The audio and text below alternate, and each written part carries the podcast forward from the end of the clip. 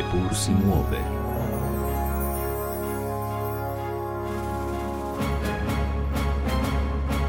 In vendar se vrti.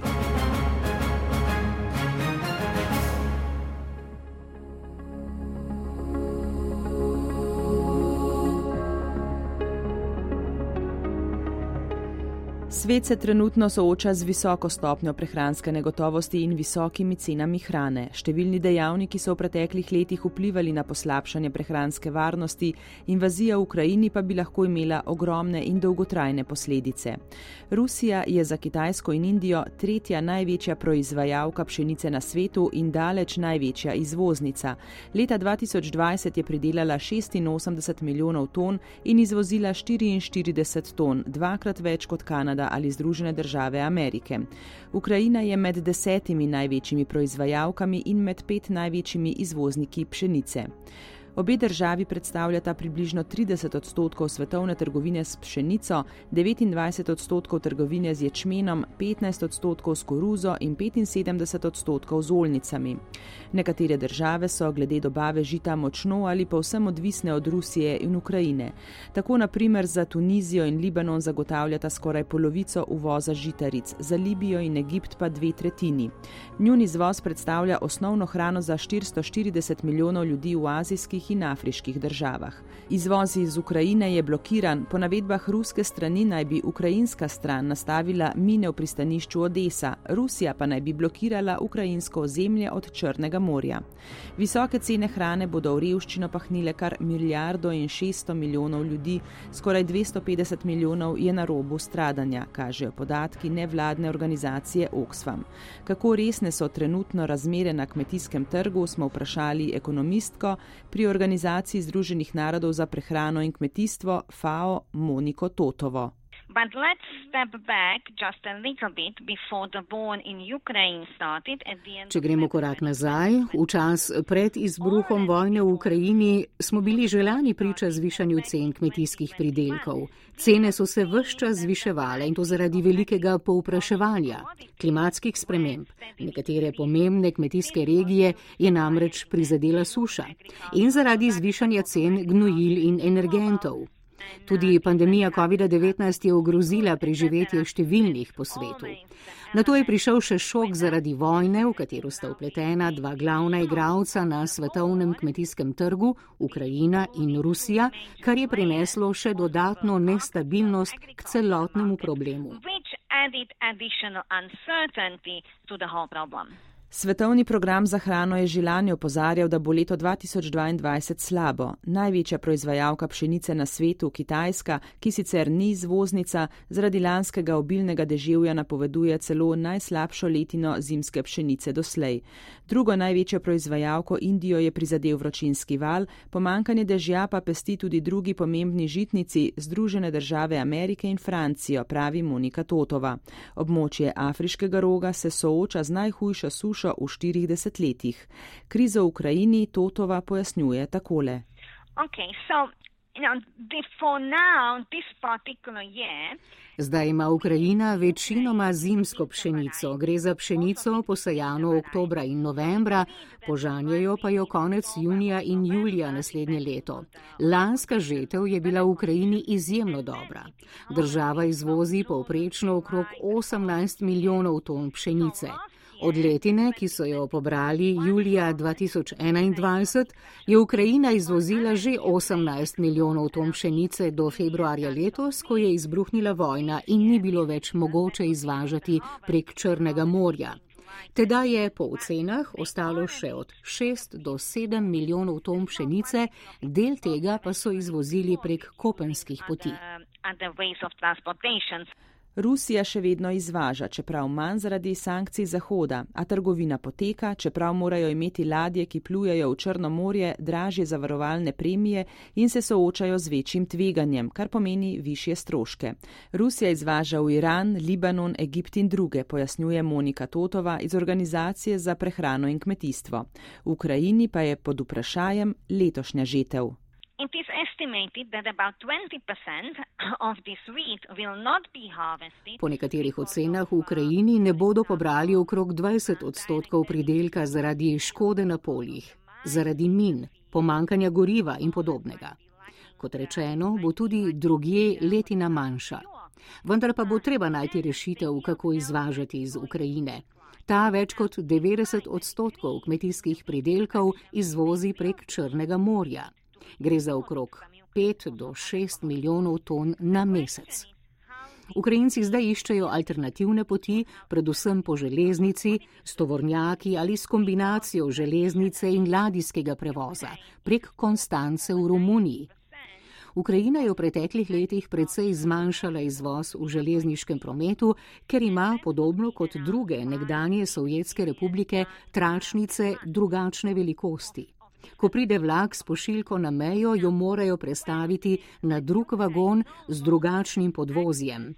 Po nekaterih ocenah bi Ukrajina lahko po železnici izvozila približno pol milijona tone na leto, prej je izvozila pet milijonov ton. Tudi če je uspe povečati izvoz na milijon in pol tone, bo to še vedno malo.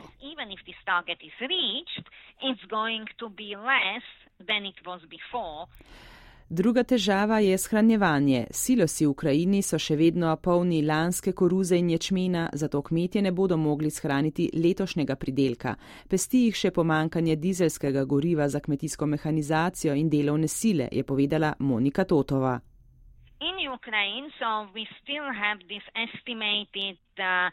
V Ukrajini je bilo po ocenah pred nekaj tedni skoraj 20 milijonov ton lanskega žita, ki čaka na izvoz. Večino tega je koruza, nekaj je še pšenice. Shranjena je v silosih. Nekateri so verjetno poškodovani, kolikšna je škoda, še ocenjujejo. Če kmetje pridelka ne bodo mogli izvoziti, ne bo prostora za letošnji pridelek. Ta bo sicer manjši od lanskega. In ne bodo imeli denarja za novo letino, ki jo bo treba posajati jeseni. Tudi Rusija bo imela manj semen in pesticidov, ki jih kupuje od Evropske unije. Posledice bodo torej dolgoročne. Kako obsežna bo kriza, bo odvisno od tega, kako dolgo bo trajala vojna v Ukrajini in kako bo z izvozom kmetijskih pridelkov. Tudi kmetje drugot po svetu plačujejo drage kmetijske vložke, predvsem gnojilo. To se je podražilo že lani, cena pa se še zvišuje. Največja izvoznica gnojil na svetu je Rusija.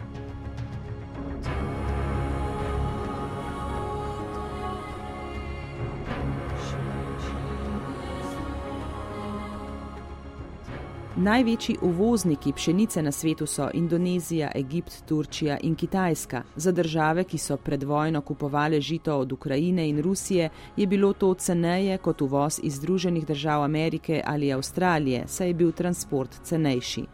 Gospodinstva v državah v razvoju namenijo za hrano četrtino družinskega proračuna, v podsaharski Afriki pa že 40 odstotkov. Za prebivalce Egipta pšenica predstavlja tretjino dnevnih kalorij. Monika Totova.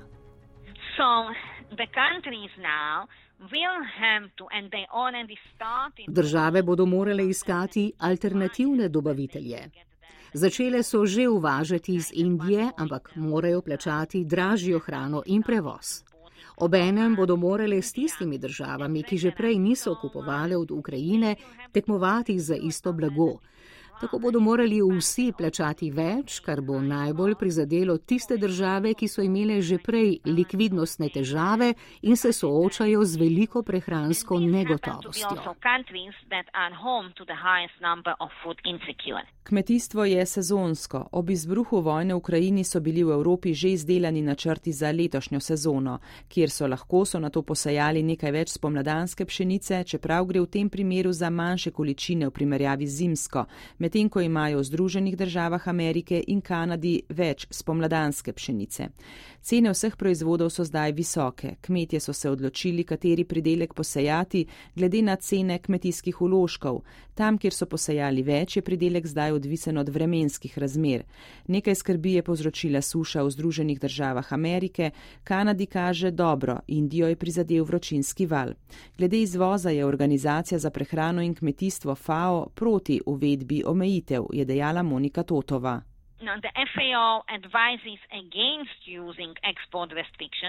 Omejitev izvoza namreč povečuje nihanje cen. Pred nekaj tedni je Indonezija sprejela prepoved izvoza palmovega olja in cene so se zvišale. Nedavno pa je odpravila prepoved in cene so se spet znižale.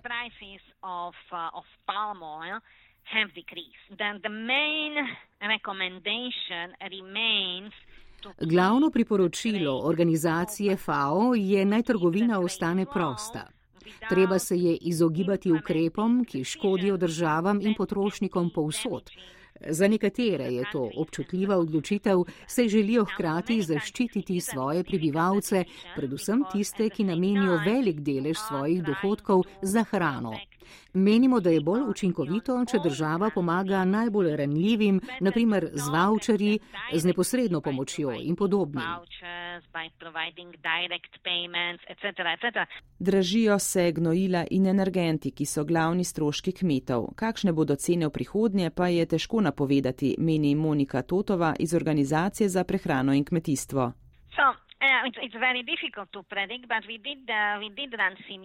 So. Naredili smo simulacije, ko je izbruhnila vojna in po naših ocenah bi se lahko cene zvišale še za 20 odstotkov v primerjavi z marcem. Je pa to odvisno od več dejavnikov. Žetev na severni polobli že poteka ali pa je tik pred vrati. Za pšenico je najbolj pomembna severna polobla, medtem ko veliko koruze raste tudi na južni polobli, tako da se v tem dopolnjujeta. Čeprav pšenica raste tudi v Argentini in Avstraliji ter v manjši meri v Braziliji, je najbolj pomembna pšenica na severni polobli. Navadno se cene po žetvi znižajo. Tudi, če se bodo zdaj nekoliko znižale, ne bodo padle na raven izpred dveh let. Cene bodo zagotovo ostale visoke. Kako visoke bodo, pa je odvisno od razpleta vojne v Ukrajini, od tega, kako hitro se bodo dobavne verige obnovile, ter od vremenskih razmer v drugih državah, od letine in cen gnojil in energentov.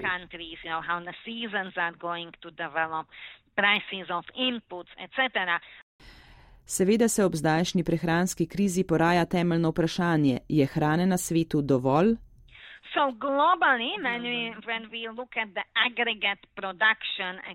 Če gledamo celotno proizvodnjo po vsem svetu, ne moremo govoriti o pomankanju na svetovni ravni. Hrane je dovolj, dobrin je dovolj lahko pa prihaja do pomankanja zaradi kriz na ravni držav, ker so cene blaga visoke, države pa imajo težave pri zagotavljanju ustreznih zalog po ceni, ki si jo lahko privoščijo.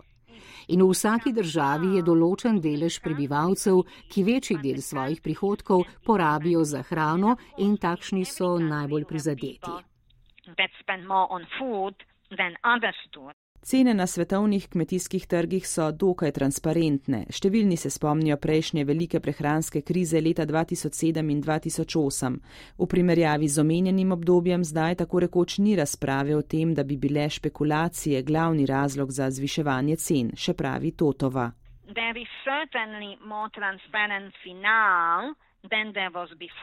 Menim, da so na svetovni ravni cene zdaj bolj transparentne kot nekoč, glede na to, kako se oblikujejo. Med prejšnjo krizo smo vedeli, kako na cene in stroške proizvodnje vplivajo vreme, visoke cene goriv in podobno. Vloga finančnih trgov na trg kmetijskih dobrin pa je bila razmeroma neznana. Ena od rešitev je, da države, ki imajo ustrezne naravne pogoje, zvišujejo kmetijsko proizvodnjo na trajnostni način. Lokalna proizvodnja in domača oskrba je vedno dobra odločitev, predvsem za sveže produkte in hitro pokvarljivo blago. Priporočilo Organizacije za prehrano in kmetijstvo je, naj države pridelujejo lokalno in trajnostno, kjer je mogoče, blago pa potem prodajo na prostem trgu.